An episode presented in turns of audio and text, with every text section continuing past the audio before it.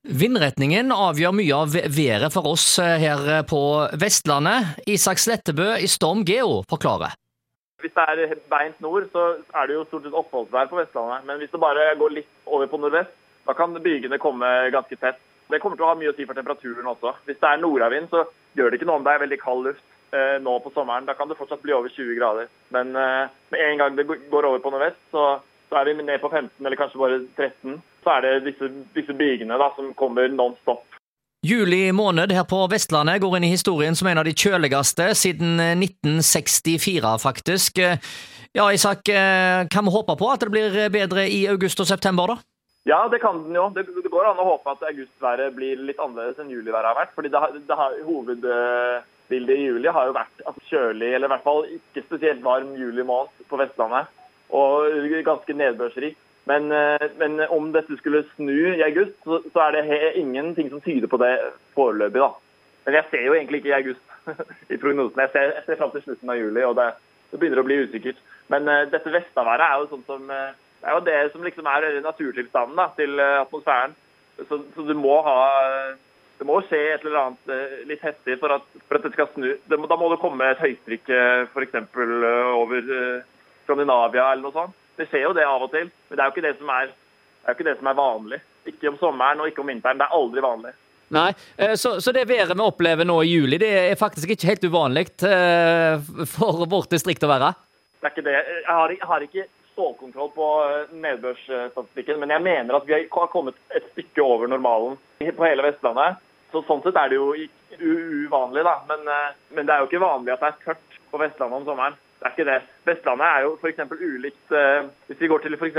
Israel, da, så er jo klimaet der veldig, veldig sesongavhengig. Du har, en, du har sommer hvor det ikke regner en dråpe, og så kommer all nedbøren i løpet av tre-fire måneder om vinteren. Mens på Vestlandet så er nedbøren ganske jevnt porsjonert utover hele året. Selvfølgelig varierer det litt. da. Det er jo mest om høsten og sensommeren, kanskje. Men uh, det er, veldig, det er liksom noe som er påfallende med mye av Norge, egentlig. At, nedbøren kommer så, kommer så utrolig jevnt.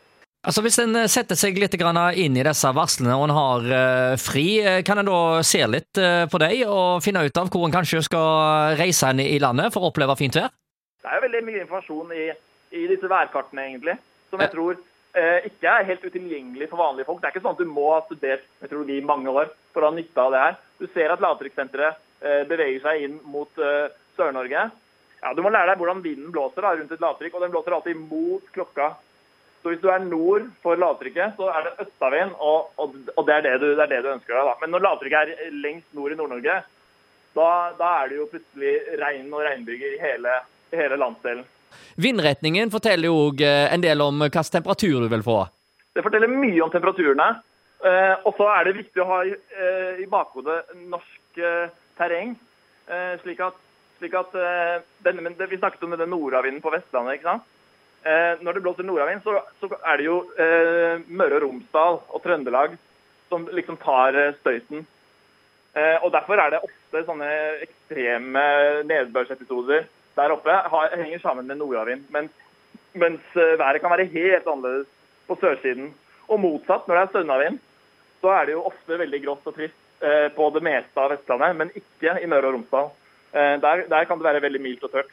Og sønnavind på Sør-Vestlandet trenger heller ikke være noe som gir godt vær?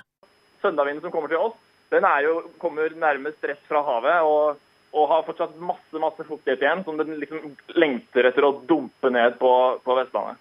Og så har du noe med dette eh, fenomenet med fjell og trykk. Altså Når eh, vinden da blåser over fjellet og trekker nedover i lavlandet, så stiger temperaturen i, i, i lufta når den blir pressa nedover. Hvordan fungerer det?